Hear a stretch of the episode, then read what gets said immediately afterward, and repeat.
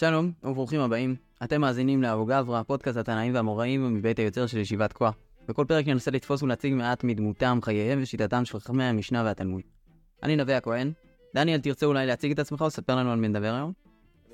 ג'ל, אה, אנחנו נדבר היום על רבי פנחס בן יאיר, מגדולי דמויות המופת של עולם התנאים. אה, אז האמת שבתור בן אדם שמכיר קצת וקורא משניות, כולנו נתקלים בהרבה תנאים במשנה, עם הרבה מימרות הלכתיות. אה, רבי פנחס בן יאיר הוא בן אדם שיצא לנו לראות אותו הרבה. לא כן, דניאל? כן, אבל זה פשוט בגלל שהוא נולד מאוחר מדי. אוקיי. אה, לא, מבחינת סדר, רק נסביר שמבחינת סדר הדורות, הדור של רבי פנחס בן יאיר, זה הדורו של רבי יהודה הנשיא עורך המשנה. ממילא, חכמים בדור הזה כמעט ולא מופיעים במשנה. כלומר, רבי יהודה הנשיא מופיע קצת, חכמים אחרים מה- מהדור הזה בקושי רב. רבי בן יאיר ורבי היו חברים? אמ, חברים זו מילה אה, מורכבת, הם נפגשו אחד עם השני, היו אה, בני שיח, בני פלוגתא, תקרא לזה מה שאתה רוצה. חברים זה לרבי לא, לרבי יהודה הנשיא לא היו חברים, אה, במובן הזה של, של אנשים שהוא היה אח שלהם. יש הרבה חכמים שלמדו איתו יחד, כלומר, רבי אלעזר ברבי שמעון למד איתו, ישמעאל ברבי יוסי היה אה, בן גילו, אה, רבי יוסי ברבי יהודה, כל, כל, כל הבנים של הרבנים בדור שלפניו היו מקבילים לרבי יהודה הנשיא. ופנחס בן יאיר הוא לא משם, אה, הוא דרומי, הוא לא בן של איזה שהם קדושים, אבל כן יש לו שיח והישג עם רבי יהודה הנשיא, אנחנו בהמשך המערכה אנחנו נגיע לזה. אז אה, מאיפה נתחיל? אה, נתחיל מהדברים המוכרים על פנחס בן יאיר. קודם כל ממה שמסתובב ב... אה, מה מכירים? רבי פנחס בן יאיר אומר, תורה מביאה לידי זהירות, זהירות לידי זריזות, זריזות לידי נקיות, ו... וכן זו דרך אגב, כן, עד שמגיעים לדברים חיוביים מאוד בסוף. אליהו הנביא, אליהו הנביא, תחיית המתים, חסידות, כל מיני דברים נחמדים בסוף. כן, כן, כן. זה מאוד, זה רבי יאיר. על- עליו מושתת הספר מסילת ישרים, נותן את ההדרכה בדיוק איך לעלות ממדרגה- למדרגה. האמת, שלרבי פנחס בן יאיר כמעט אין ממרות של דברים שהוא אומר. כלומר, בתוך ה... לא רק ב... במשנה אני מבין למה, למה זה ככה, בגלל שהוא לא בדור הזה, אבל גם אחר גם, ב... גם בתלמוד, או בברייתות, יש אולי מימרה או שתיים הלכתיות שהוא אומר, ועוד אה, מימרה או שתיים אגדתיות שהוא אומר, ועוד סך של סיפורים עליו. כי זה, ה... זה, זה רוב המסה של המידע שיש לנו על פנחס בן זה סיפורים שסיפרו עליו, והרבה הרבה פחות ממרות ש... שהוא אמר, כלומר, בניגוד לחכמים אחרים שבהם רוב מה שיש לנו זה כמובן דבריהם, ומעט סיפורים, או פחות. אז מה אתה אומר? אתה אומר שהוא לא היה בדמויות המרכזיות בבית המדרש, שהוא לא היה תלמיד חכם, ש... שמה? אני- זה נראה שבעיקר מה שהיה מרשים בן יאיר זה האישיות שלו. אמ, והאמירות שלו הן פחות אה, נשארו. לא לא יודע בדיוק מה, מה הסיבה לזה, כלומר איזה מין... אה, כלומר, האם זה היה בן אדם שלא היה לו חידושים מופלגים ב, ב, בתורה, או שהוא... שהוא... לא, זה לא ברור העניין של כמה, כמה, אה, כמה מבחינה תורנית היו דברים משמעותיים לומר, אבל מבחינה אישיותית הוא היה, הוא היה דמות אה, מופתית. אוקיי? כלומר, גם, גם האמירה הזאת של, אה, של, אה, של מדרגות בדרך אל הקדושה, זה, זה אמירה שהוא אומר כנראה מניסיונו, או יש לו איזה, איזשהו סדר שהוא היה, שהיה נהג. אז בוא נפתח בסיפור. נפתח בסיפור, מה עם האמרות הלכתיות אמרנו שלא נפתח? לא, אז, באמת. הסיפורים שיש לו פנחס בן יאיר יש מכל מיני סוגים. בעצם מופיעות גם בירושלמי וגם בבבלי מקובצות ביחד. אה, בירושלמי במסכת דמאי ובבבלי במסכת חולין. אה, בירושלמי זה נראה כמו עוד סיפור ועוד סיפור ועוד סיפור, בבבלי זה נראה כמו סיפור אחד ארוך ארוך ארוך עם כל מיני, כל, ה, כל, ה, כל הדברים המעניינים התקבצו יחד לאותו, לאותה מסיבה. אה, אני אתחיל מהסיפור הכי מפורסם על רבי פנחס בן יאיר, זה החמורה או האתון של רבי פנחס בן יאיר. בסיפור של הירושלמי, האתון הזאת אה, נגנבת מרבי פנחס, ולוקחים אותה ליסטים אליהם למערה, והיא הייתה אצלנו שלושה ימים ולא רצתה לאכול כלום. ואז לליסטים נמאס, כי זה נראה להם שהולכת להתפגר להם במערה ויהיה מסריח ומעצבן, ואז הם משחררים אותה ואומרים לה לכי הביתה. היא הולכת הביתה ומתחילה לצעוק, ופנחס בן יאיר שומע את זה, ואומר לאנשי ביתו, תכניס אותה פנימה, תנו לה לאכול, היא שלושה ימים היא לא אכלה. ואז אה, מביאים לה, מביאים לה לאכול אה, שעורים, היא לא רוצה לאכול. ופנחס בן יאיר מסביר שהסיבה שהיא לא אוכלת עכשיו בעצם גם שהיא לא, למה היא לא אוכלת שלושה ימים זה בגלל שזה לא היה מאוסר. ולכן היא לא אוכלת, כי, כי אתון חסידית, לא תאכל, תאכל לא מאוסר, לא קשה. אז מעשרים ואז היא אוכלת. והתלמידים של פנחס בן יאיר שואלים אותו, אבל יש דין שה... שהלוקח, הקונה מאכל בהמה הוא לא צריך להסר דמאי, אז מה, למה האתון הזאת, למה, למה, למה האתון הזאת לא רוצה לאכול? הוא אומר לה, היא אתון מחמירה. אתון מחמירה. כן, היא מחמירה, או בלשון הירושלמי, מה, מה יעשה לעלובה הזאת, שהיא מחמירה על עצמה הרבה.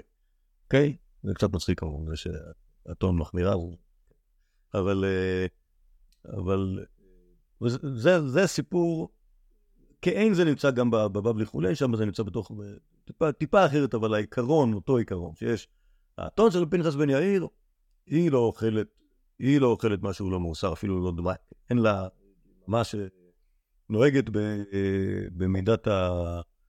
בדתיות עד הסוף, אין לה, אין לה פשרות, גם בסכנת מוות, והעקשנות שלה מצליחה לגבור על, ה, על הגזלנים, שהם, כאילו, העקרונות שלהם הרבה פחות אה, משמעותי.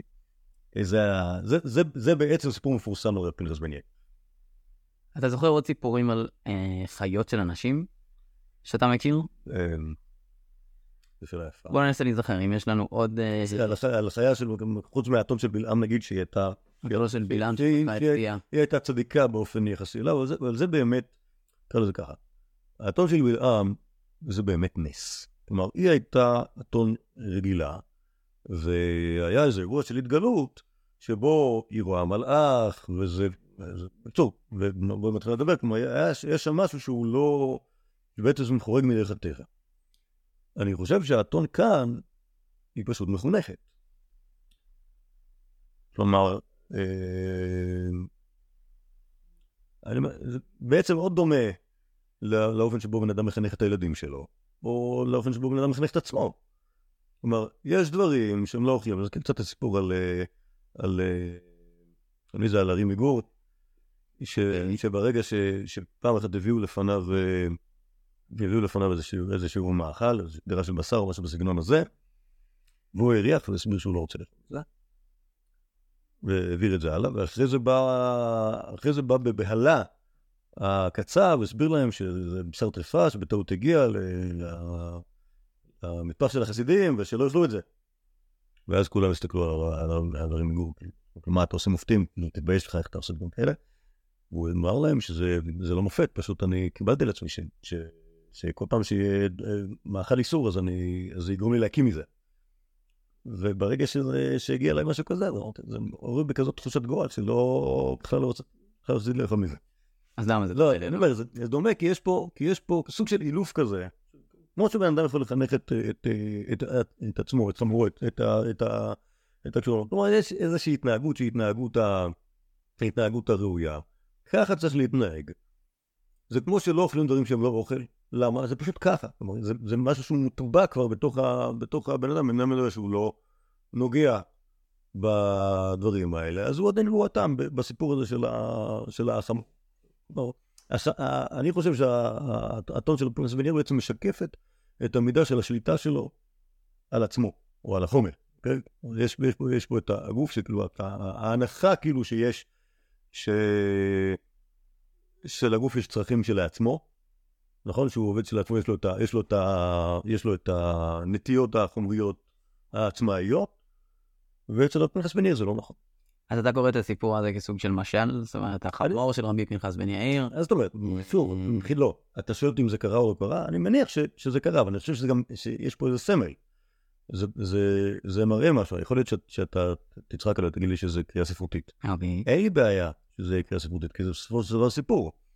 אבל uh, אני חושב שיש בו, ש... זה דבר שהוא בולט בתוך, ה, בתוך הרעיון הזה, ש, שיש, שזה ה...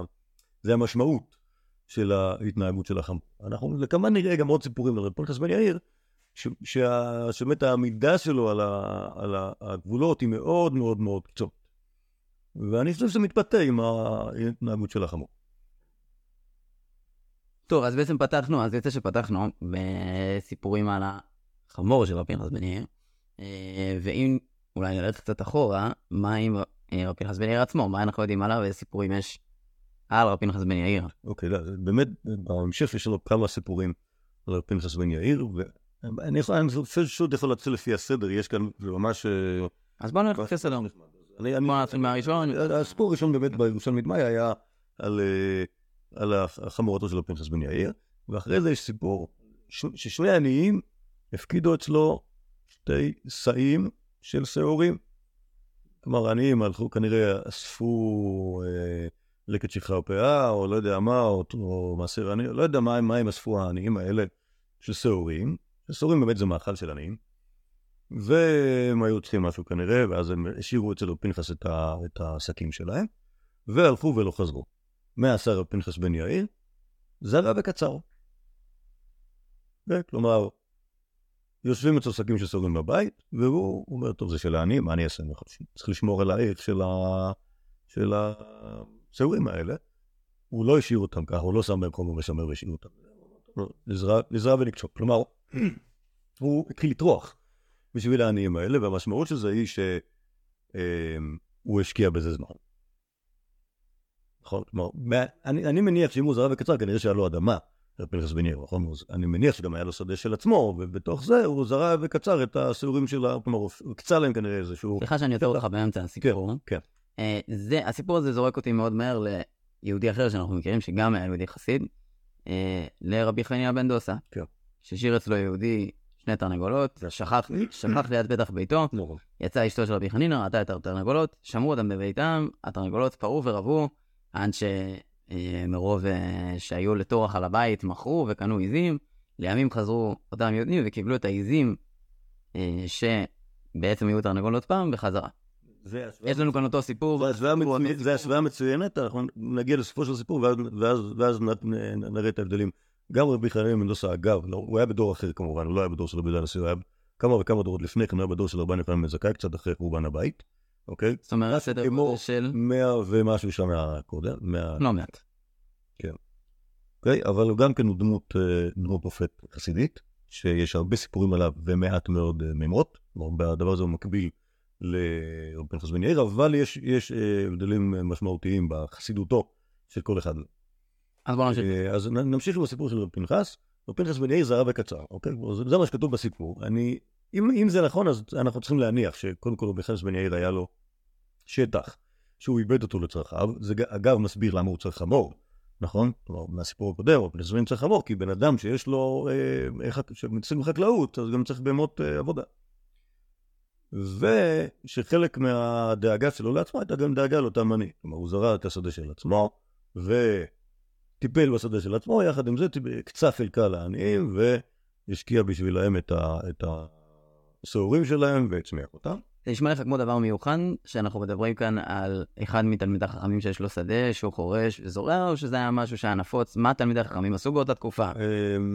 זה שאלה גדולה, כלומר, הרבה, הרבה מהתלמידי החכמים אנחנו יודעים שהיה להם כל מיני מקצועות, יש כאלה שהיה להם מקצועות חופשיים כמו אה, אה, בעלי מלאכה וכיוצא באלה, אוקיי? כלומר, לא... כלומר, דאגו לעצמם בדברים שלא קשורים לקרקע. יש כאלה שהיו בעלי שדות. יש כאלה שהיו בעלי בתים של שדות, שהזכירו את השדות שלהם לאריסים. כלומר, יש לנו גם, גם, מי שהיה בא ממשפחה בעלת ממון, אז הוא לא עבד בעצמו, היו לו, היו לו עובדים. ויש כאלה שהיו עניים, כלומר שלא היה להם שום דבר. נגיד רבי חנין מנדוסה, אם כבר הזכרנו אותו, הוא מהחסידים שחיו מניסים. או מתפילות, או מחרובים, או מה שהיה, כלומר, ממה שהתגלגל. אין להם. רבי פנחס בן יאיר הוא לא כזה. הוא בדיוק הבן אדם במעמד הכי, איך נקרא לזה, ביניימי, שאפשר, במובן הזה שיש לו נכסים, אבל אין לו עובדים. הוא הבן אדם שעובד לעצמו. המושבניק הסטנדרטי.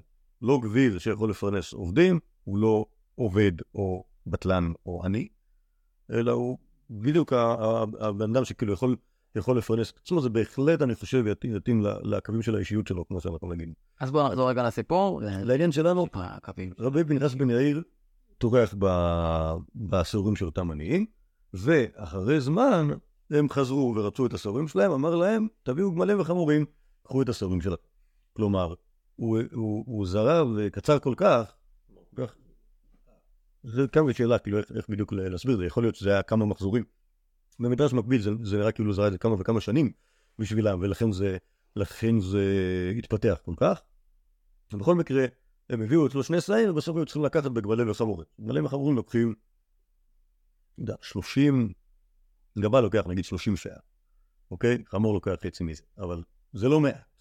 גם אם זה הגזמה, ברור ש, שהתוצרת שרב פנחס בן יאיר רוצה מה, מה, מהעשורים האלה כולה הלכה לאותם עניים. כלומר, מה שברור מכאן, זה שרב פנחס בן יאיר השקיע גם כוח, גם בעצם מהשדה שלו, בשביל אותם עניים. כאילו, כאילו זה היה ממש אה, נכסיו שלו.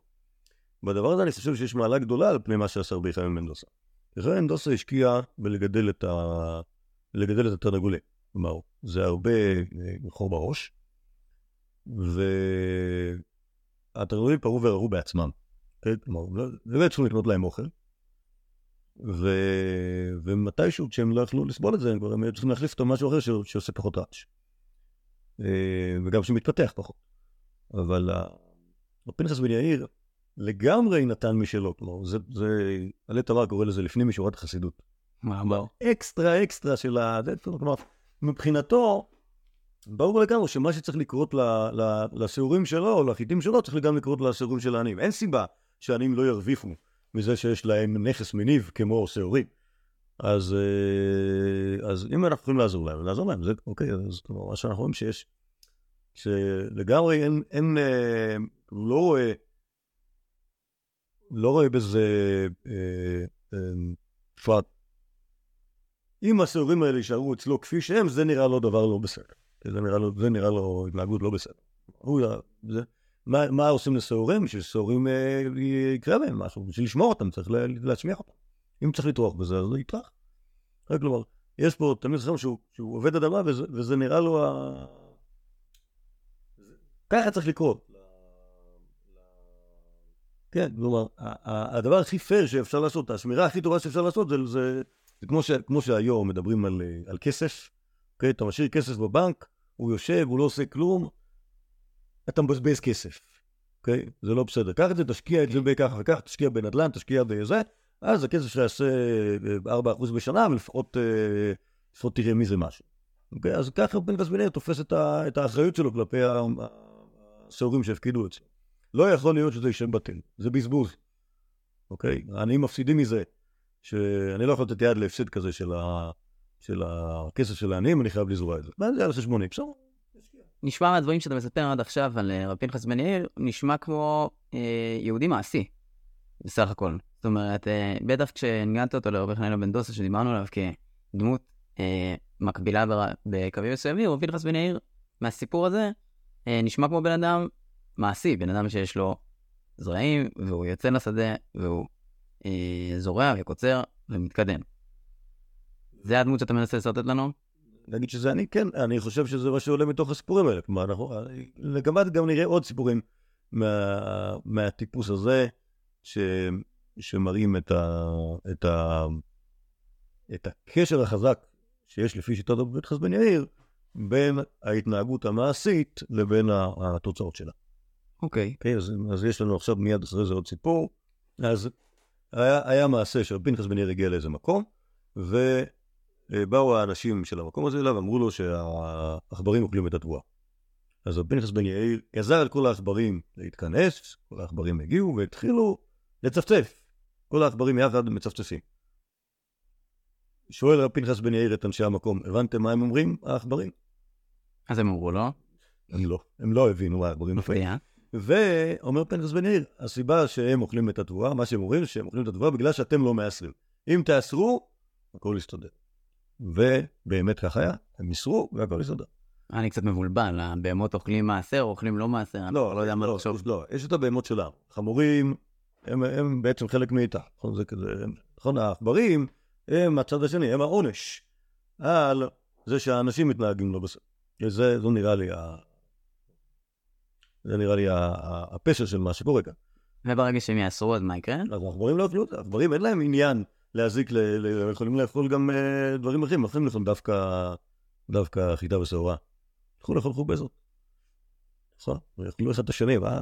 יאכלו פה בזה. לא, לדעות.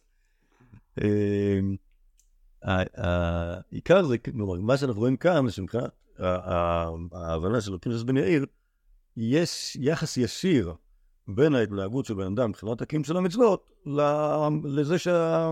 לזה שה... לשמירה שתהיה על התבואה. מי ששומר על המצוות, אז מי ששומר על מעשרות, התבואה שלו תישמר. מי שלא עושה את זה, אז התבואה שלו פתוחה לפגעי העולם. במובן הזה, העולם של פרנס בן יאיר הוא עולם מסודר. אם עובדים כמו שצריך, גם העולם עובד כמו שצריך. אין, אין לזה... העולם הוא לא הפקר. יש, הכל תלוי בהתנהגות של האנשים.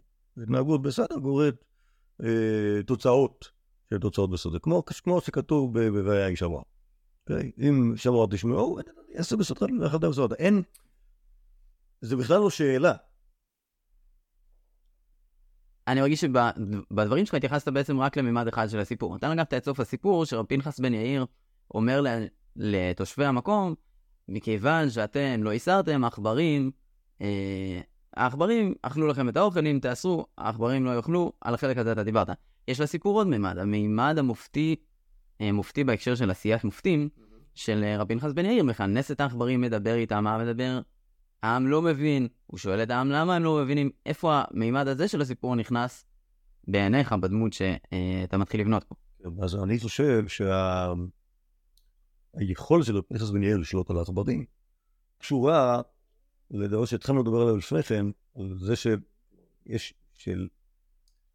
ברגע שבן אדם מתנהג אה, בצורה אה, טובה, ממילא הוא יכול לשלוט על, ה, על הדברים בעולם. כלומר, הדבר הזה הוא בא בקטן, במובן של אם אתה תיאסר, אז העכברים לא יאכלו לך, כלומר, ישמרו, ישמרו עליכם מן השמיים. ובמובן היותר אה, מהותי, בדמות של פנחס בן יאיר עצמו. כלומר, הוא הבן אדם, מה ההתנהגות של הבן אדם הזה? הכי הכי הכי טוב, הכי הכי הכי חסידי. חסידי לגמרי, נכון? זה, זה ההתנהגות שלו, אז כל העולם גם מונח אצלו. כלומר, זה, ה... כלומר, זה, זה, אבל זה, זה מבטא את אותו דבר, רק ברובד הרבה יותר אה, אה, נרחב, אוקיי? כשם שהתנהגות של בן אדם רגיל תשפיע על המעשה, כלומר העולם מתנהג, יישר קו עם ההתנהגות של, ה, של הבן אדם הפרטי, אז רבי פנחס, כל, בעצם כל העולם נתון תחת, uh, תחת ידו, כלומר הוא יכול, הוא שולט על, uh, על הטבע. אוקיי? כלומר ברצונו הוא, הוא ישנה את זה. כמובן שהכל הכל נוגע ל, ל, ל, למה שהוא אמור לעשות עם זה, אוקיי? אבל uh, זה ברור שבזכות מעשיו של רבי פנחס בן יאיר, הוא יכול לכנס אותך והוא יכול להבין את מה שהם אומרים. Okay, זה חלק מהשליטה, אם אם מההתחלה התחלנו מהשליטה שלו על עצמו, שליטה שלו על חמורו, התנהגותו המוסרית העליונה, אז אנחנו עכשיו רואים גם את, ההשפעה של זה. כלומר, בן אדם שמתנהג ככה, יכול לגזור על העכברים גזירה ולהבין את מה שהם אומרים. אתה אומר לא לחינם, סיפור המופת מגיע לאחר הסיפור הקודם, עליו דיברנו על, על מעשיו של רב פנחס בן לא. יודע, לא יודע, יכול להיות שאני בניתי את זה ככה בכוונה בצורה, בצורה מתודית. אבל אני חושב של, ש, שלאט לאט פורחת ועולה.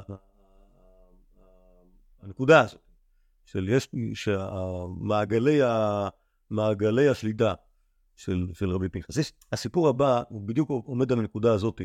הסיפור הבא בירושלמי עומד על הנקודה הזאת של מה יכול רבי פנחס לעשות. זה אוקיי. סיפור שמאוד דומה לסיפור שהקראנו עכשיו, הסיפור הקודם, שמלך מלך ערבי אחד איבד את, ה, את המרגלית שלו, או נפ- נפלה לו, ואחד, עכבר אחד בלע אותה. ואז הם הלכו לפנחס בן יאיר וביקשו ממנו עזרה למצוא את המרגלית הזאת, ופנחס בן יאיר בהתחלה אמר, מה, אני מחשב שאני, מחשב חיות, שאתם באים ולא, אמרו לו, ככה, כתוב בירושלמי, לשמך הטוב בנו. מה זה אומרת? זה אומר שהם מבינים שהוא לא מכשף אלא בעל שם טוב. כאילו, בן אדם שיש לו, אה, ש, שידוע במעשיו הטובים, שבזכות זה הוא, יש לו שליטה על, ה, על העכברים או על איתני הטבע, וכשהוא שומע את זה ממנו, אז הוא מסכים שהוא מכנס את כל העכברים, וכל העכברים באים, פתאום רואים עכבר אחד עם בלוטה בגב, הוא אומר להם, זה העכבר שלנו, וגזר עליו, כלומר, קורא פנס לעכבר הזה, אומר לו, יאללה תוציא, והוא הקיא את הרגלית, והכל חזר למקום שלו. אז זה באמת מבליט את הנקודה הזאת בלבד. כלומר, כל הרעיון של לשמך הטוב בנו, בן אדם עם שם טוב, כלומר מעשים טובים, שהוא בזכות המעשים הטובים, לא בזכות יכולת כישוף וכיוצא בזה, בזכות המעשים הטובים, מלך העולם. זה ה... וזה גויים מכירים בזה. עם ישראל, גויים מכירים בזה, ובאמת מצליח לעשות עם זה טוב, ואין לו, לו בעיה להועיל למלך הגוי עם, ה, עם היכולת הזאת, כל שברור לגמרי שזה בזכות שמו הטוב, בזכות מעשיו הטובים, ולא בגלל אה, יכולות אחרות שיש לו. נראה שבעלי החיים מאוד מככבים בסיפורי רב פנחסי בן יאיר שאנחנו קוראים עד עכשיו. אמ, אני חושב שזה יהיה יותר נכון לקרוא לזה איתני הטבע. בעלי החיים הם חלק מאיתני הטבע. זה, זה כמובן קשור לדמות המעשית של רפינס, כמו שאמרת קודם, שיש בן אדם איש העולה, יודע להתנהל עם חמור, יודע להתנהל עם שדה, יודע להתנהל עם עכברים, יש עוד. לי מתחיל להישמע כאילו הוא כבר התחיל לקבל אנשים אה, מתישהו בחיים שלו, זאת אומרת, אה, מתישהו יצא שמו בעולם, והתחילו התחילו להכיר בו כבן אדם גדול שיכול אה, לחולל פלאים, ואנשים מתחילים להגיע אליו, פתאום אנחנו רואים ששולחים אותו לעיר, וגם מגיע אליו מלך. אולי הוא פתח קליניקה איפשהו, אני כבר לא יודע מה... אני לא, אני לא, אני ממש לא חושב שזה, שזה אבל, אני לא חושב, לא חושב שהוא נעשה בן אדם, בן אדם, שוב, הוא היה תלמיד חכם, הוא היה חקלאי. אני לא חושב שנהיה ממנו איזשהו אדמו"ר במובן הזה שאנחנו, שאנחנו מכירים היום. אה, מישהו שזה התקן שלו. אה, אני חושב שהוא, לפחות מהסיפור הזה של המרגלית, זה נראה שהוא נעלב מזה שבאים אליו כ, כמכשף. לא, תמצאו לכם מכשף בשקל ב, ב, בעם שלכם, מה אתם, מה אתם צריכים אותי?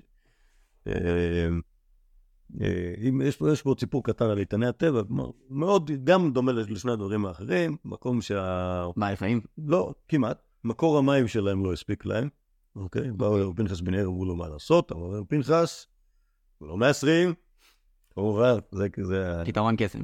כן. ואיסרו, ומקור המים הספיק. כן, כלומר, לגמרי, בשיטה, בשיטה החינוכית של פנחס בן ערב, לגמרי יש קשר בין, בין הסיבה והתוצאה, וכלומר, אפילו, כאילו, זה זו שאלה כמה, כמה קשר יש לרב פנחס לזה, כלומר לזה שפתאום המעיין מספיק, זה, זה לדעתי, באופן שבו פנחס בן יאיר אומר את זה, זה נראה כאילו זה, זה אמור לעבוד לבד, זה אוטומטי. ההתנהגות, ההתנהגות התקינה מביאה לתוצאות, לעולם תקן, לעולם תקן. זה מזכיר לי קצת רעיונות אחרים, אם נתמקד רגע, אני רוצה שנייה שתתמקד אתה, חבל שאני אדבר, בסיפור שלי, להסר. כלומר, מצוות המעשר שחוזרת, גם אם אמרנו שבעלי חיים חוזרים, כן.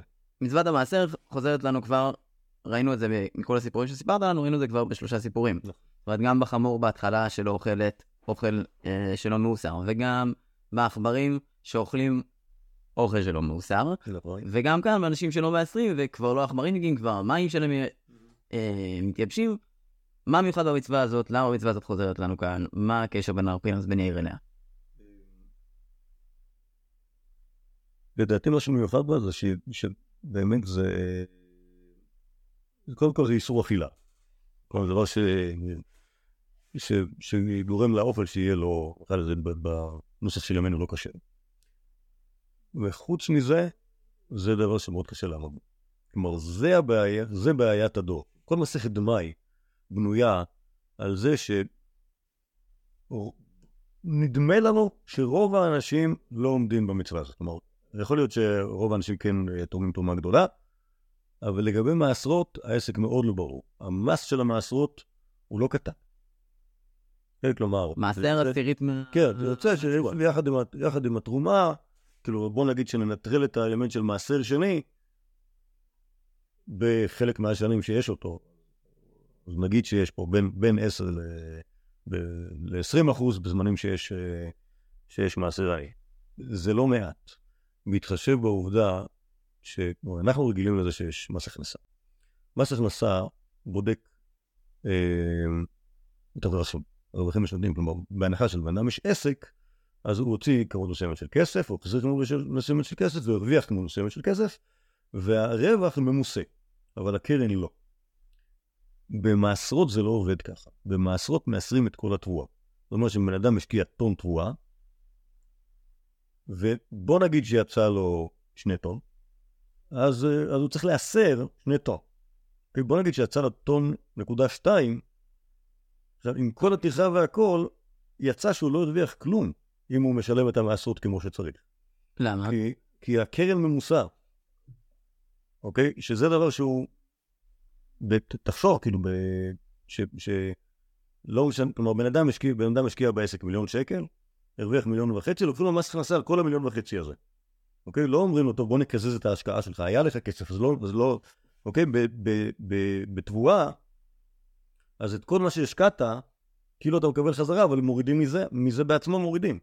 אוקיי? זה מאוד לא, מאוד לא נוח. Uh, כלומר, זה, זה, זה מס שהוא מס מאוד גבוה. ואנשים לא עבדו בזה. אנשים לא היו מאסרים? אנשים היו תורמים תרומה גדולה, כי זה אולי יישום איתה. תרומה גדולה, כמה זה בערך? תרומה גדולה זה... זה אחוז, לא, שתי, משהו בסביבות שתי אחוז, אבל גם אפשר להשתמש, גם אפשר, גם אפשר פחות מזה. כלומר, זה, זה, לא, זה לא הדבר המשמעותי. לכן, לכן, לכן לזה יחסית כן הקפידו, אבל המעשרות ומעשר שני או מעשר עני זה סכומים גדולים. ולכן הרבה פחות הקפידו על זה. עד ימינו, אתה, אתה הרי יודע שגם בימינו, מה שעושים עם המעשרות, זה שלמעשה מפרישים אותם, אבל מבחינה ממונית זה לא משמעותי, כי אחר כך גונבים אותם. כלומר, את אותו כהן אתה יודע שלא מביאים לך. טוב, זה באמת קשור לזה שזה אסור באכילה. כן. אבל גם המעשרות, שהם, שהם הנתחים הגדולים, המעשרות ללוויים, לא מביאים אותם, גם את המעשר לעניים לא נותנים, למעשה גונבים להם את זה. כי באמת, מבחינת ה... מבחינת האלמנט של המיסוי זה מיסוי מאוד גבוה. אז אתה חושב שבתקופת רבי יחס בן יאיר, זה לא, זאת אומרת, לא לחינם אנחנו רואים כאן אנשים שלא מעשרים, זה לא רק, זה לא אנשים מיוחדים, אנשים שלא מעשרים, זו תופעה נרחבת. זה, אני, אני חושב שזה לאט לאט מתפשט. כי, כי פשוט להיאסר זה מסירות נפש. מי, ש, מי שמעשר, מי שמרים את כל המעשרות ונותן את הכל לכהנים, ללוויים, לעניים, למסושני, זה הרבה מאוד, זה השקעה. ואיפה רבי פנחס בן יאיר נכנס פה? בואו נחזור רגע לסיפור. אם נחזור רגע, ניקח, נחזור, ניקח צעד אחרון, חזרה שוב פעם מהמצווה, כן. ונחזור לדבר על הבן אדם, רבי פנחס בן יאיר, אז איפה המצווה הזאת נכנסת פה? אז אני מבין שבעצם ש... הטענה שלו זה ש... כלומר, האנשים הנורמליים חושבים, בן אדם שמעשר יפסיד מזה. נכון? כלומר, שיש, ש... שעכשיו כאילו הרווחתי סך מסוים, אני... למה לי, למה לי לתת לאנשים אחרים מיגיעי, ממלאכתי, אוקיי? אתם, מה אתם קשורים לזה? נכון, מה, בגלל שאתם נולדתם כהנים לוויים או עניים, אז אני מגיע לכם? אני עבדתי, זה שלי. והאופן שבו פנחס בן יאיר מראה את זה, שבעצם הנתינה של המעשרות, כאילו, זה נותנת כוח שהוא הרבה יותר משמעותי, כלומר, שליטה על החיים. זה דבר שכל אחד היה, שליטה על העולם, זה דבר שכל אחד היה חולם עליו. בן יאיר אומר שזה בעצם, ה... זה בעצם המשמעות של, ה... של ההתנהגות כמו שצריך. כלומר, מי שמתנהג בצורה כזאת, הכל, הכל נמצא, הכל נמצא אצל הקורא. יכול להיות שזה משתלם, ההתנהגות הזאת. זאת אומרת, יש פה גם עצה טובה. תתנהג טוב, זה כדאי, זה טוב.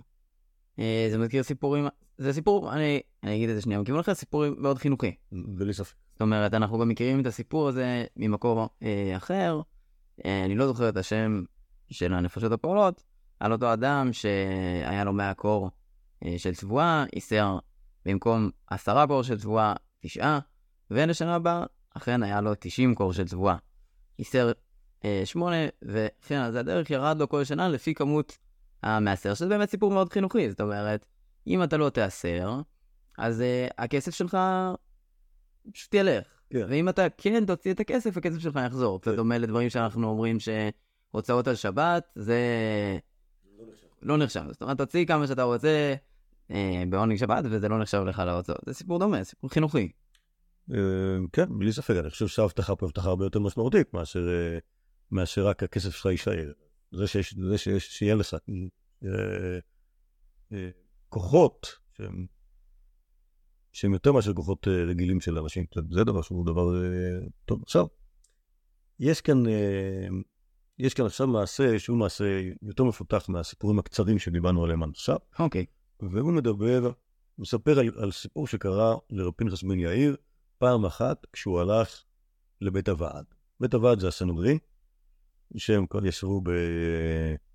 בבית שערים באותה תקופה, זה הסנהדרין של יהודה הנשיא, ורב פנחס בן יאיר הלך לשם. כנראה שהזמינו אותו, תכף נראה למה. פנחס בן יאיר הלך לבית הוועד, ובדרך עבר נהר. נהר גינאי. גינאי זה שם של נהר בשומרון, בשומרון. כמו ג'נין. אוקיי. אז עבר נהר, הנהר זרם, כנראה שזה היה חוק. אמ, אומר פנחס בן יאיר לנהר, גינאי גינאי, אתה מפריע, ומה עשה אותו נער גינאי? הפסיק לזרום. וחלק את מימיו, אוקיי? כמו, ליהושע בן נון, כמו לאלישע ואליהו, עצר הנהר, נתן לו פנחס לעבור. ואז שאלו תלמידיו של פנחס, פנחס, "אמ, אנחנו יכולים לעבור גם כן, זה בסדר, זה לא, זה לא, לא, המים לא לא יחזרו עלינו. לא נשתף במים. אמר להם, מי שיודע בעצמו שלא ביזה אה, אדם מישראל מימיו, שיעבור, ולא יקרה לו שום דבר. וכמה אנשים עברו? לא יודע, לא כתוב בסיפור. אוקיי, אבל כאילו, יש, יש לו... מה אתה מדמיין לעצמך? אף אחד, כולם נשארו בצד השני. אה, ככה אני מנחש, כאילו, שוב, לא כתוב פה כלום, אבל זה נראה, שזה סיפור שמספרים על, על פנחס בן יאיר. אם היה, אם היה עוד תלמיד שהיה זה, אז היה כתוב בו ש... אולי היה כתוב ש... והלך אה, אה, אה, שמעון בר אבא, תלמידו, ועבר, וגם לא, לא קרה כלום. אוקיי? זה, ה- זה המעשה שהיה יכול להיות מסופר, כאילו היה יהודי כזה. אבל זה לא נראה שיש יהודי כזה. אז אה, רק פנחס בן יאיר בעצמו, כלומר, שוב, את השליטה שלו לאיתני הטבע ראינו, וזה גם אחד מהם, חד משמעית, הנהר יודע מי הבעל הבית אה, של הטבע, או פנחס בן יאיר, וכאן אנחנו רואים עוד דבר, כלומר, זה, זה לא רק קיום מצוות מעשרות, או או כיוצא בזה, אלא יש גם, אה, יש גם התנהגות של אה, חברתית, נכון? פנחס בן יאיר אומר, לא ביזה אדם מישראל מימיו. הוא- אה, יש, יש מצווה כזאת, כן. נכון. נכון, יש מצווה. יש... ואהבת לרעך כמוך, אוקיי. יש מצווה כזאת. ומי ש... בעצם זה ברור שמי שמתנהג בצורה שבה הוא מתנהג, כדי להיות ענב, להיות, לכבד את הבריות, אז העולם הזה מכבד אותו. ה- אוקיי, יש... אה, אתה חושב שיש קשר בסיפור בין. בין הפרמטר לחציית הנהר, זאת אומרת, זה שלא ביזית אדם מישראל, לבין המעשה של חציית הנהר, או שיש כאן שני, אה, שני דברים מקריים של מעשה טוב, וכל מי שלא עשה לו מעשה טוב, לא יכול... לא, אפשר למצוא פה קשר ספרותי בין, בין, בין שני הדברים האלה, והוא, כאילו, נאמר ככה, אה, התנהגות של בן אדם, יש, יש איך שבן אדם מתנהל, ואז יש איזה שמישהו, ש- שהוא, נגיד מפריע לו, משהו בסגנון הזה, אז יכול להיות שהוא מכבד אותו, מתייחס אליו, יכול להיות שהוא אומר לו, יאללה יאללה. נכון? כאילו, למה מי אתה שתפריע לי? יכול להיות שאותם יחסים יש בין הנהר לבין פנחס בן יאיר. פנחס בן יאיר תמיד אה, מתייחס ברצינות לאנשים. מכבד אותו. אוקיי, בא אליו בן אדם ואומר לו ככה וככה, הוא לא אומר לו, עזוב אותי, אני כאילו, יש לי, מה לעשות, אני לא, אל תשגע, אל תפריע לי, אני, אני בשלי, אתה בשלך, ואם הדברים שאני עושה מפריעים לך, אז יש לך בעיה. אוקיי, ככה, ככה, זה זלזול באנשים. ורב פנחס בן יאיר בעצם דורש מהנהר לכבד אותו, כמו שהוא מכבד אנשים אחרים. כלומר, הנהר לא יכול להגיד, יאללה, יאללה, יש לי את התפקיד שלי, אתה מי אתה בכלל, בכלל נולד, אה, אני נוצרתי ביום השלישי לבריאה ואתה ביום השישי, אתה יותר קטן ממני, אז אל תבלבל את המוח. אוקיי? אלא... רב פנחס בן יאיר מתייחס ברצינות לכל אחד, מכבד אותו. אז גם הנער מכבד את רב פנחס, בעצם בדרך למשהו חשוב, רוצה, תן לו לעבור. מי, ש... מי, שנייה, מי שלא מכבד אנשים אחרים, אז גם הנער, לא יכבד אותו. זה, זה, זה נראה לי, כלומר, שוב, יכול להיות שזה מה שאני אומר זה דרשה. אבל זה מתאים לעקרונות שדיברנו עליהם. אם כבר דיברנו על גדולי ישראל אה, בתנ"ך, זה, אה, וברוח הימים האלה של תחילת ספר שבועות, באמת מאוד מזכיר דברים שאנחנו רואים במשה ואהרון במצרים, שמשה אה, נותן יחס לנהר, ליאור, משה לא מכה על היאור, לפי, כמובן לפי המדרשים, משה לא מכה על היאור כי היאור הציל אותו. ולא מכה על האדמה כי האדמה עזרה לו כי היא אה, נתנה לו לקבור את המצרי כשהוא אה, טמן לו. זה רעיון הפוך, זאת אומרת, הטבע נתן לבן אדם משהו, נתן למשה משהו, ומשה מתייחס אל הטבע כמו שמתייחסים לבן אדם. אתה, כמה לקחת, השאלה גם כמה לקחת את הסיפור הזה ברצינות, זאת אומרת, אתה חושב שהמסר של הסיפור זה שאנחנו צריכים עכשיו ללכת ולהתחיל להתייחס לדוממים אה, כאל אנשים, לאנשים לא, לדעתי המסר הוא הפוך. ההתנהלות של הטבע היא שיקוף של איך שבן אדם מתנהג בחברה.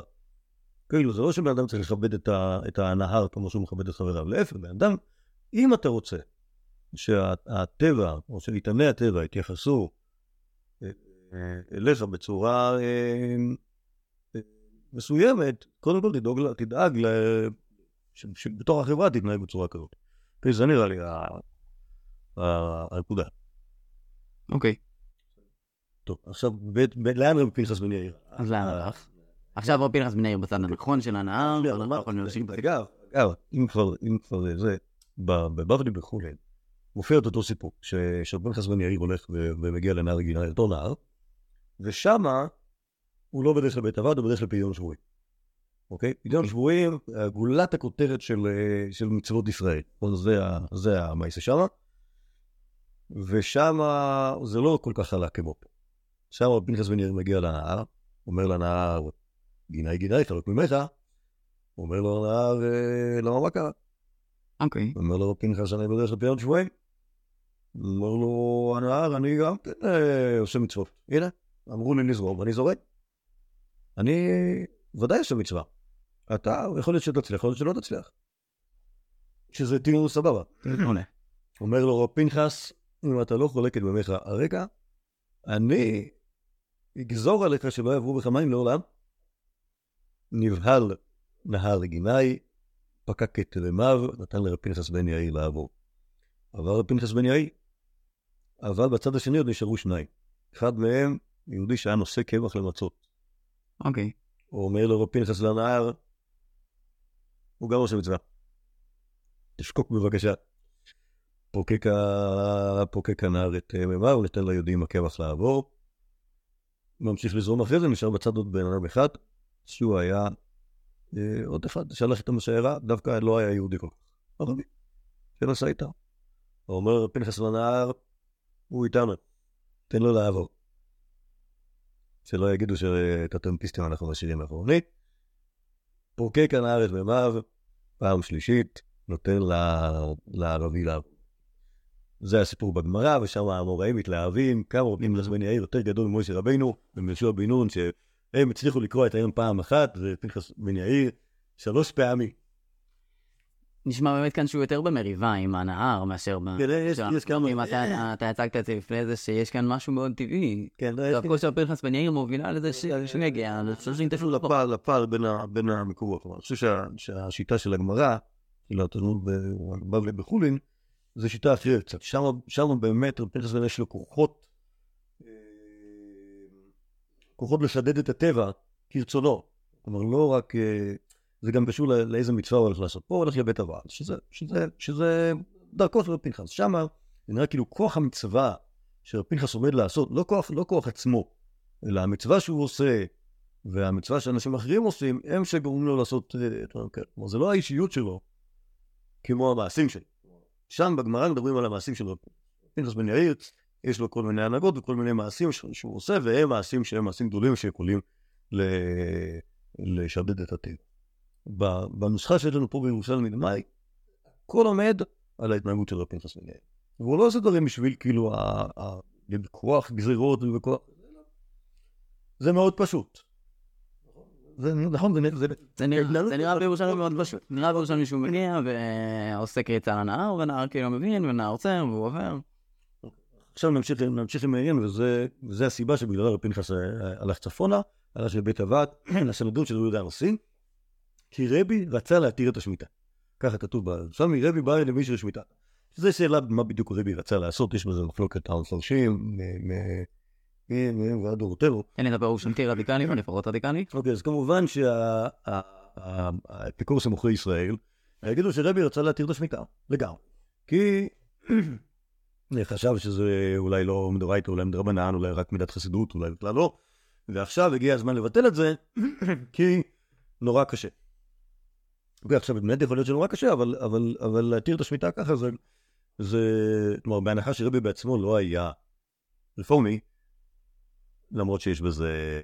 זנים. לא, על כך נדבר. שוב, לא, לא, לא, זה. רפורמי הוא לא היה, אבל פשוט יש, יש כל מיני אנשים שתולים בו כל מיני, אה, כל מיני עמדות שכנראה שהם מעצמם אה, חובבים.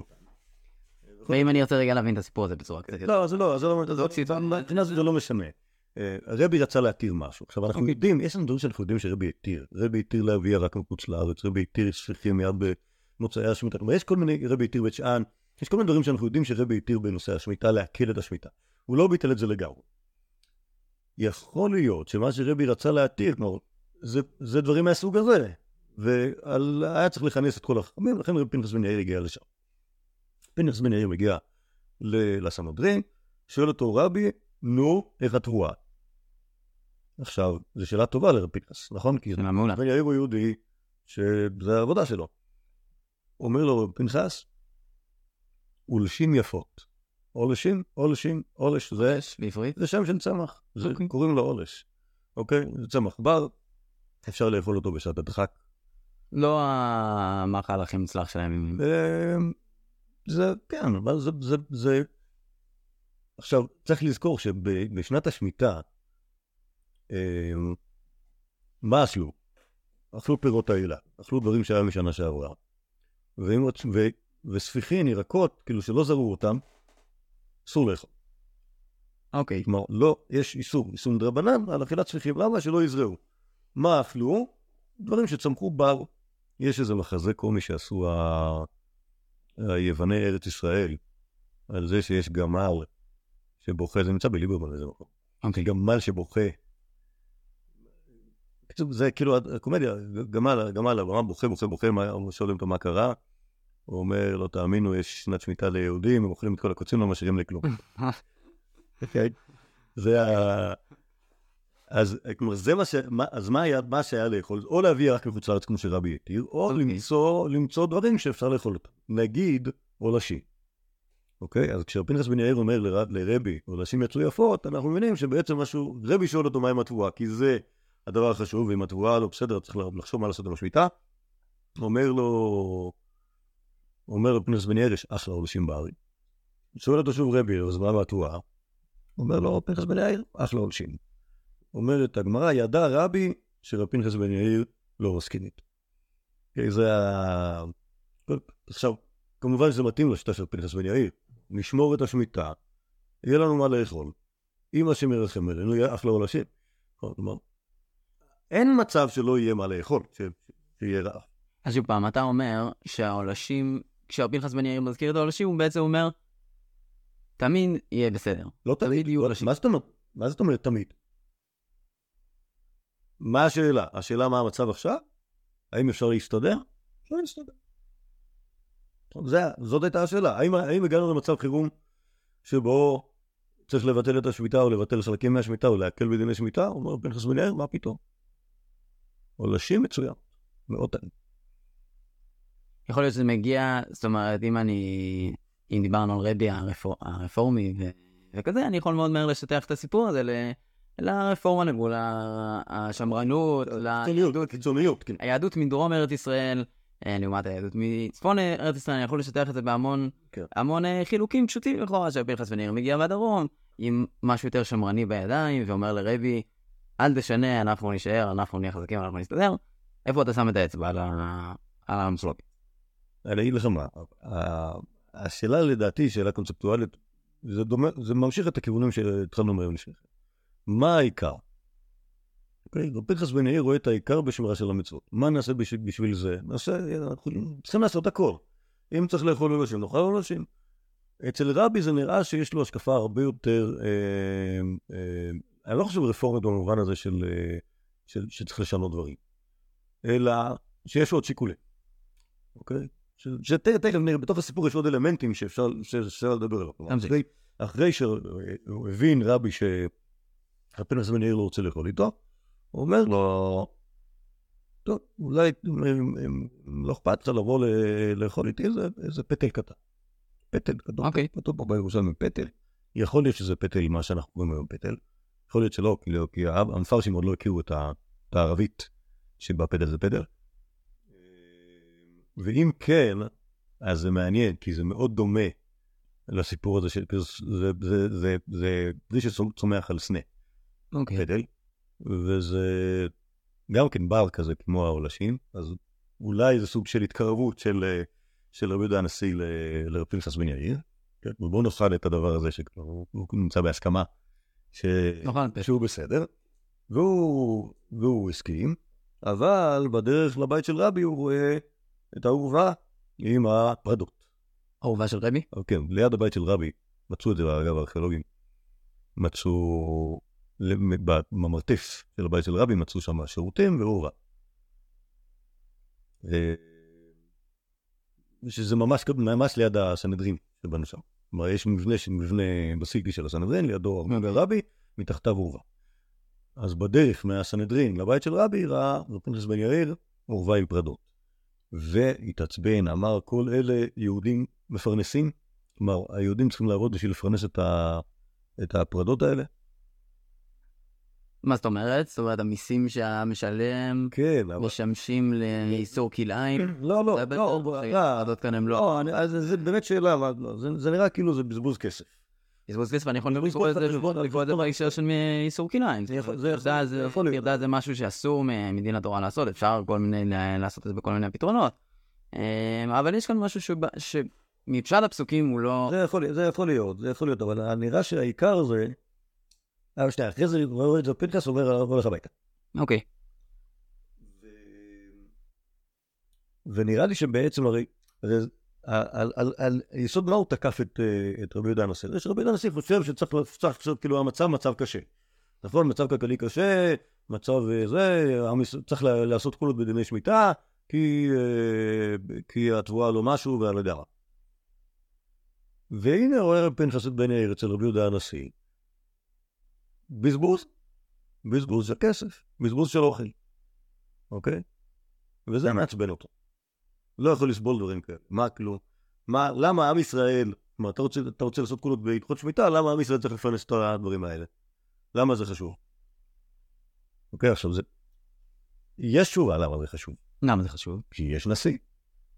אתה ראית פעם נשיא בלי פרדות? אני לא ראיתי נשיא לפרס. לא. לא ראיתי נשיא עם פרדות, אבל לא, בסדר, לא. חלק מה, מה, מהפאסון של נשיא זה שיש לו את, ה- שיש לו את הכבוד שלו, אוקיי? לא, לא, לא יהיה... אוקיי, יש, האמת היא שיש הרבה דברים שהיו בביתו של רבי שהיו מותרות, אבל אה, לא פסקו לא צנון ולא חזרת, אה, לא במות החמה ולא במות הגשם. היה שם, היה שם הנהגה של עושר, וזה לא היה... אז מה, לא היה... לא פעם ראשונה נתקל ברבי, פעם ראשונה הוא מגיע לבית שערים. הוא נשמע לא, יהודי מבוגר, הוא נשמע לא, זה- כבר יהודי שמגיע, כבר בלי ספק. סיפורים. בלי ספק, אבל אני חושב, ש... אני חושב שהוא מבין שיש פה סדר עדיפויות שהוא לא, שהוא לא מסכים איתו. כלומר, העושר והפזרנות של בית הנשיא, פתאום מבין שזה בא על חשבון אה, דברים אחרים, על חשבון קולות בהלכה שצריך פתאום להמציא אותם, כי אין ברירה. כאילו, כביכול אין ברירה. הוא אומר, אבל חסנות, תראה, תראה מה אתה... אתה מתחיל מזה, בסוף אתה...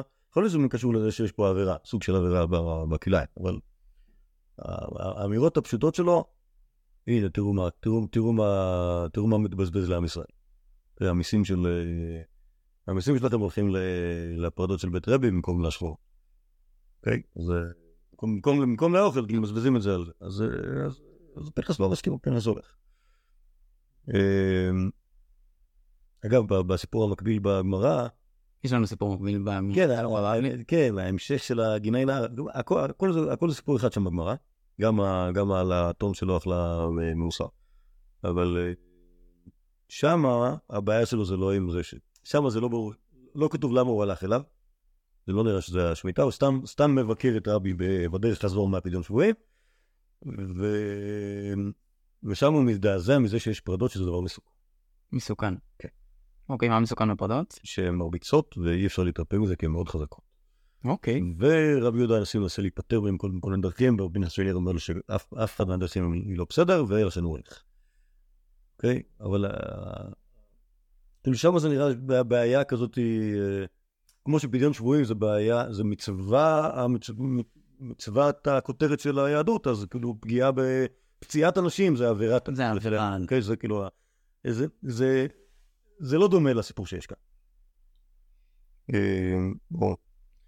אה, טוב, לענייננו, אז כלומר, המערכות של השיקולים שאנחנו רואים פה של, של פנחס בן יאיר מול רבי, אז זו באמת שאלה איך, איך אתה בונה את העולם. לפי פנחס בן יאיר יש, יש דבר אחד שעומד ברקע, שזה לקיים את המצוות כמו שצריך. שאר הדברים, הם ישרתו את הדברים האלה. אם הנשיא לא צריך פרדות בשביל זה, אז הוא יצטרך לוותר על זה. אין, אין. לפי שאתה מדבר על הנשיא, יש בעצם ההתנהלות היא התנהלות אחרת. יש את, ה, יש, יש את ההתנהלות, כלומר, אנחנו כפופים לחוקי העולם, ואם צריך להתנהג בהתנהגות מסוימת, נתנהג בה, וה... ונצטרך להתמודד אחר כך מה לעשות עם, ה... עם המצוות. המצוות. רבי עונה משהו לרבי פנחס בן יאיר, אתה אומר שלא...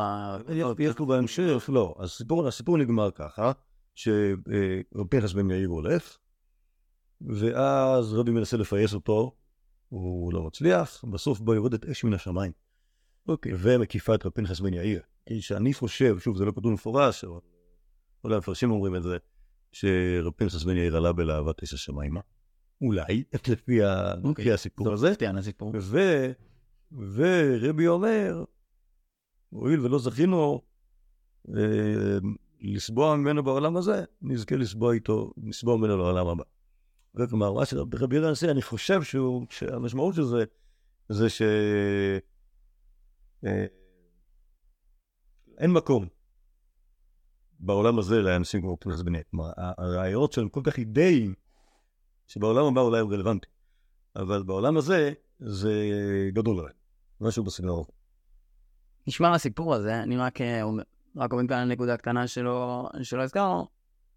רבי פנחס בן יאיר נשמע עוד יותר מלפני זה כיהודי מאוד מוערך כבר בתקופתו. זאת אומרת, רבי חנק לו כבוד, רבי קרא לו מהדרום, אה, רבי מנסה לפייס אותו. כן.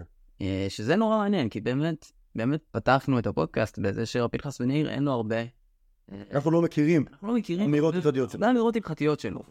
ואומנם רבי היה לו משלח יד גם בדברים שהם לא הלכתיים, כמובן, הוא היה הנשיא, אבל אתה מצפה שתלמידי החכמים יהיו האנשים המוערכים שבדור, זאת אומרת, האנשים שמתייעצים איתם, בטח בשאלה הלכ- הלכתית, כמו אה, לבטל את שנת השמיטה, או להקן זה. או להקל, או איך שלא תקרא, שזה בוודאי שאלה שהיא במהות שלה, שאלה הלכתית. והייתי מצפה שאנשים שיתכנסו יהיו גדולי תלמידי החכמים. סתם נורא מעניין בהקשר הזה, באמת רבי פנחס בן יאיר שנכנס פה. אם הוא נכנס בתור גם בן אדם למדן שאנחנו לא יודעים על זה, זאת אומרת, אם היה לו גם עולם למדנות ועולם של תורה שאנחנו לא מכירים, ועל התקן הזה הוא נכנס, שבאמת רבי מגיע להתייעץ איתו בתור... אה, מופת. בתור מופת, כן. זאת אומרת, כשרבי רוצה לעשות שינוי כזה, שהוא עוד שינוי מהשינויים שרבי מתכנן לעשות, הוא פתאום לא רק מתייעץ עם תלמידי החכמים, הוא, הוא שולח לדמות המופת ואומר לו, אני לא חושב, אני לא חושב שזה שהאפשרות לשנינו. אני חושב שהאפשרות הראשונה היא יש לנו. אמנם אין לנו הרבה מידע על פנחס בן יאיר, יש לנו מקום, יש לנו מקום שבו פוגשים אותו בבית המדרש בדרום, כתלמיד חכם. כל הבעיה שלנו זה שאין לנו מספיק מידע, אוקיי? אין לנו, אין לנו מסורות משם. אוקיי? יכול להיות שהיו מסורות ועבדו, אין לנו, אין לנו... בכל אופן, גם אם היו דברים, גם אם הוא אמר משהו, זה לא דברים שציטטו אותם ב, אה, במקומות אחרים. אוקיי? כלומר, אין לנו דבר. לדעתי העמייה, עצם זה שהוא מזמין אותו, לכאורה מראה בפירוש עם חלק, חלק מחכמי ישראל הפשוט. דבר דבר אחד שלא דיברנו עליו, והבטחנו בהתחלה שנדבר, זה ההשוואה בין פנחס בן יאיר לרבי חנין בן דוסה. שני חכמים שמבחינת אה, מהותם והיחס שלהם לחכמי דורה, היו די דומים אחד לשני. אה, כלומר, החכמים מכירים בגדולתה, הם פונים אליהם בשעות הצורך, שני חכמים שהם לא נמצאים כל כך ב- בתוך הבית מדרש ואין הרבה ממרות- ממרות משמותיהם, אבל מתייחסים אליהם, החכמים הרשמיים מתייחסים אליהם בהמון המון המון הערכה. את זה אפשר לעשות על רקע משהו מאוד נחמד, שבעצם יש לנו סיפור שהוא לגמרי לגמרי מקביל על שתי הדמויות האלה, אה, גם כן שנמצא פה בירושלמי בדמאי, על פנחס בן יאיר. חסיד אחד שהיה חופר בורות שכין ומערות לעוברים ולשבים, וביתו אה, נסחפה בנהר. אוקיי? אוקיי. סיפור מ- מאוד מקביל לסיפור שמופיע בגמרא על ביתו של נחוניה חופר שכין, שנסע לבור הגדול, ש... ש... שבאו לרבי חנן מנדוסה. אוקיי? ומעניין להשוות את התגובות של שני האנשים האלה לסיפור. אז מה הסיפור? הסיפור, הסיפור של פנחס בן יאיר, ביתו של חסיד אחד שהיה חופר בורות ל... אה, להורים ולשבים, אה, הייתה עוברת להינשא. כלומר, עמדה להתחתן והשתפה נהר. ו... ואותו חסיד לא הסכים להתנחם, בא רבי פנחס בן יאיר לבקר אותו, כשהוא הבין שזה העניין, אמר לרבי פנחס בן יאיר, ככה, אפשר שזה מכבד את בורו במים והוא מקפחו במים? ככה, תמה רבי פנחס בן יאיר על העובדה הזאת. איך זה יכול להיות? ואז מיד נפלה הבהרה בעיר, באה ביתו של אותו האיש. הם היו בניחום אבלים, כן, כלומר, רבי רבי יחס בן יאיר הגיע לניחום אבלים, כן, בעצם, כן, כן. ותוך כדי הניחום אבלים, מה הוא אמר?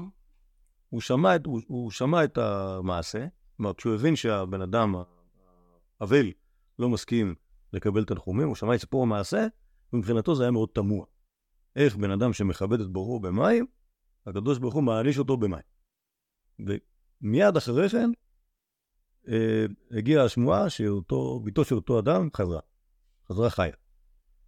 אה, וכאן יש מחלוקת איך בדיוק אה, היא ניצלה, יש אפשרות אחת שהיא נתקעה באיזה ענף של משהו שגרם לה לא להיסחף עם השיטפון הזה, ואפשרות שנייה, דעה שנייה, שמלאך בדמותו של רבי פנחס בן יאיר ירד והציל אותו.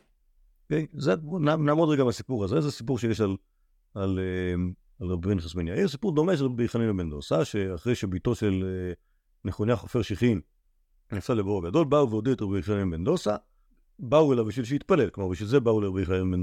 לרבי פנחס בן יאיר אנחנו לא מוצאים דבר כזה שהוא מתפלל, רבי חנינא בן דוסה מתפלל, שעה ראשונה אמר להם שלום, שעה שנייה אמר להם שלום, כלומר היא בסדר, היא חיה, היא לא טבעה, שעה שלישית אמר להם עלתה.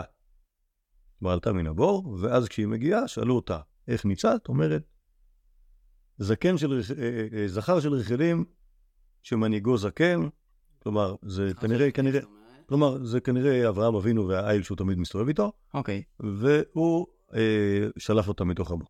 הוא, הוא גרם לה לנס הזה, והכל בזכותו, בזכות תפילתו של רבי חיים בן דוסי. עכשיו, אני חושב שזה, ש...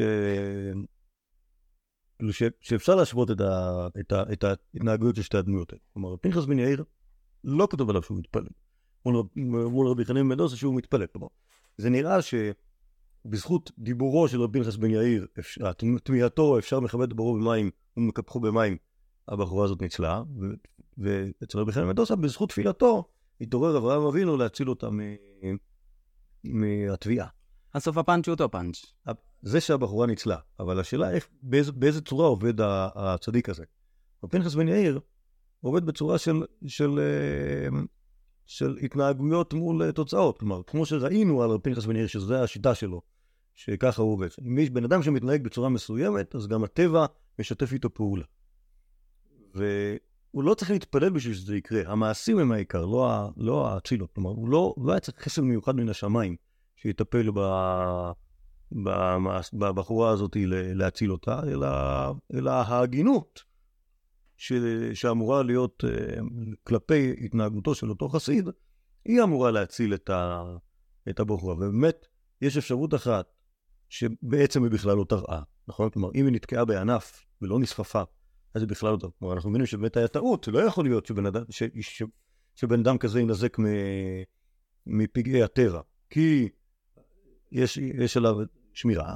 ואפשרות שנייה שמלאך בדמות רב פנחס בן יאיר, ואני חושב שהמלאך הזה זה בעצם ה- ה- האידאה שאותה רב פנחס בן יאיר מייצג, של מי שעושה כך וכך, לא יכול להיות שיהיה לו כך וכך. אוקיי? כלומר, זה, ה... זה נראה לי המשמעות של המלאך הזה, של רב פנחס בן יאיר. בקיצור, מאוד בולטת ההנחות, ההנחות הבסיסיות, של, מאוד בולטות ההנחות הבסיסיות של פנחס בן יאיר.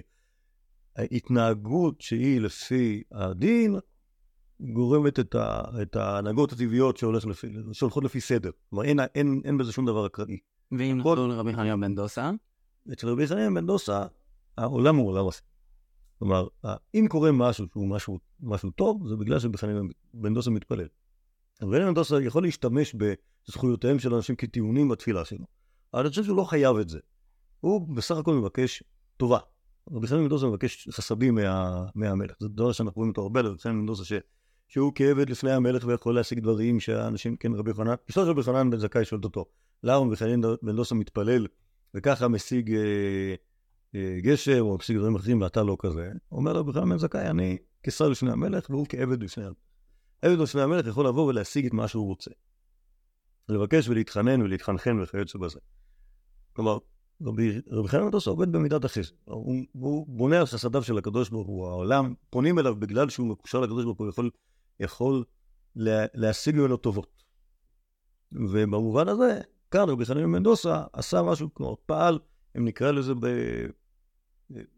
לפנים משורת הדין. זה, זה, זה הדבר שהוא הצליח להשיג. אגב, אפשר, אפשר, אה, בהמשך של הסיפור בגמרא שם, נמצא שאף על פי שביתו של אותו אדם ניצלה בזכות תפילתו של בחינם מנדוסה, מת בנו בצמא. אוקיי, יש לי סיפור בבבלי. בסיפור בבבלי, בסיפור בבבלי, ביתו ניצלה, ביתו ניצלה בזכות תפילתו של בחינם מנדוסה, אף על פי כן, מת בנו בצמא, שנאמר, וסביבה נסערה מאוד, הקדוש ברוך הוא מתקדק עם הצדיקים כחוט השיער. אז מה אתה רואה מהעשייה? אז בעצם רואים שמצד הדין, זה לא היה מגיע לה להינצל. זכותו שלו בחני מנדוסה ותפילתו הצליחו לשנות את, ה... לשנות את הגורל כאן. אבל בעצם מה שאמור לקרות לה, כמו שאמור לקרות לבן שלו, שכן, כלומר, אין סתירה בין ה... כלומר, לפי הסיפור הזה על בחני מנדוסה, אין סתירה בין זה שהבן אדם עובד את השם, ב... עושה טובה לעם ישראל בחפירת בורות, לזה שהילדים שלו ינזקו ב... במקוואות המים. בקשר הוא מקרים, סתם היה מישהו... כן, זה מזל רע, זה אירוניה, זה כל מיני דברים רעים. אמ, בשיטה של בנכס בן יאיר, דבר כזה לא אמור לקרות. אין דבר כזה, אין, אין מציאות כזאת שבן אדם מתנהג בצורה מסוימת ו... ו... והלא הגון יקרה מן השמיים. אוקיי? כלומר, צריך, העולם מתנהג כמו שעון. אה, כלומר, אם הוא מכוון, אז הוא מכוון לגמרי, אין, אין בזה, אין בזה, אין בזה פאשט. כלומר, אם רוצים, אפשר, אפשר, כאילו, אני חשבתי שאולי ה, ה, ה, כאילו, הדוגמאות ה, שאנחנו מכירים ב, במושגים הקבליים שרובצים היום, זה שרבי חנן מנדוסה עובד במידת החסד, ופינטס בניר במידת הגבורה. כלומר, החסד זה אומר כל הזמן אה, בונים על חסדי שמיים. אוקיי? כלומר, בעצם כל החיים של רבי חנן מנדוסה בנויים על חסדי שמיים, כלומר, הוא תמיד היה חי מניסים, הוא לא אכל שום דבר, וכאילו רק חי מקו חרובים, אבל כולם פנו אליו לתפילותיו, שהם תמיד היו לבקש טובות מהקדוש ברוך הוא ולהשיג דברים ככה בדרך, אה, בדרך נס.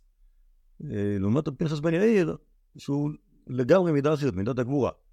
שהכל עובד על פי הדין, היהודי הזה עובד בשביל, כלומר, מאמין בזה שאם בן אדם עובד אז יש לו גם מה לאכול, זה, זה הכל עובד בצורה כזאת של, של, של, בצורה מדודה. יש סיבות ויש תוצאות, אין שום טובות באמצע. הכל עובד כמו... אם אני אגיד את מה שאתה אומר בעניינים אחרות, כמו ששמעתי כן. אה, ממך מתישהו, שאתה אמרת שרבי חנינא אה, בן דוסה פונה, לוקח את צרותיהם של ישראל ופונה איתם לקדוש ברוך הוא. לעומת רבי פנחס בן יאיר, שלוקח את צרותיהם של ישראל ומחזיר אותם לצור... לעם ישראל. זאת אומרת, כן. אין, אין לו פנייה לקדוש ברוך הוא, הוא לא מסתכל לשמיים. נכון, נכון. הוא מסתכל על עם ישראל, ו... ומבחינתו שם הכל נמצא ושם הכל אה, קורה. נכון, כלומר, מבחינתו אין צורך בתפילה, כי, ה... כי הכל תלוי בהנהגותיהם של האנשים. כלומר, בעצם זה דבר מעניין שאנחנו, בניגוד גמור לרבי חנין מנדוסה, בסיפורים על רבי פנחס בן יאיר, הוא לא התפלל. הוא פנה ל... לנהר גינאי, הוא פונה לעכברים, הוא פונה ל... ל... ל... לכל הדברים האחרים. לא מסופר עליו שהוא התפלל. כלומר, במובן הזה כל, ה... כל אירועי המופתים שלו הם אירועים שקורים בתוך העולם. שינוי של התנהגות תגרור שינוי של תוצאה.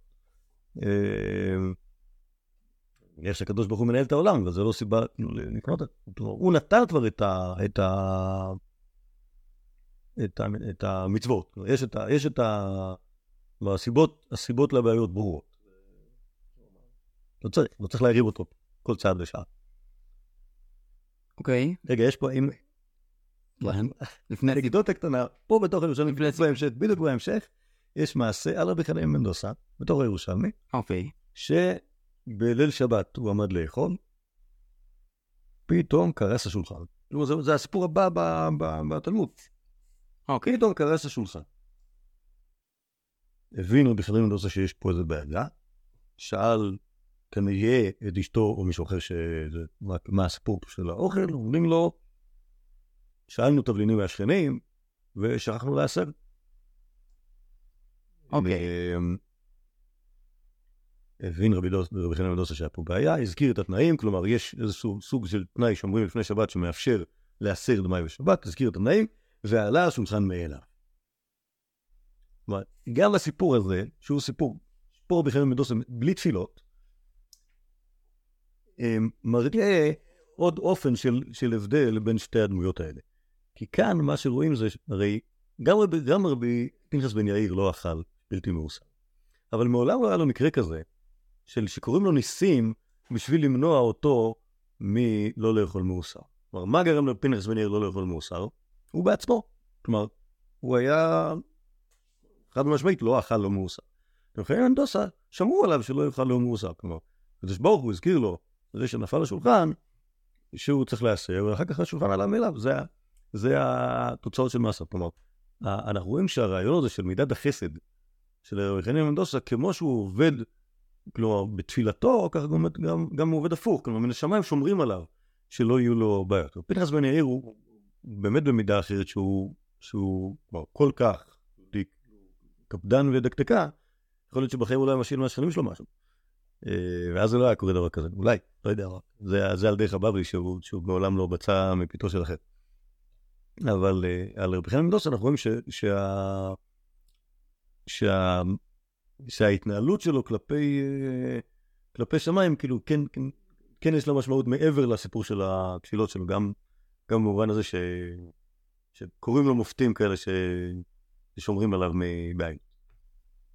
אוקיי, אז לסיכום, ראינו סיפורים, תן ארבעה משפטים על רב פנחס בן יאיר, ונסיים. לשחרר את, השומעים שלנו ל- לעולמם. אה, מה אנחנו יודעים על, דמותו של רב פנחס בן יאיר, לפחות לפי איך שהיא משתקפת ב- בסיפורים של אה, מסכת דמאי. אה, פנחס בן יאיר, אה, הירושלמי מציג דמות מפוארת שלו. כלומר, בן אדם שהוא מודל לחיקוי במובן הזה שהוא עושה בדיוק מה שצריך. כלומר, זה, זה ההקפדה הגדולה שלו.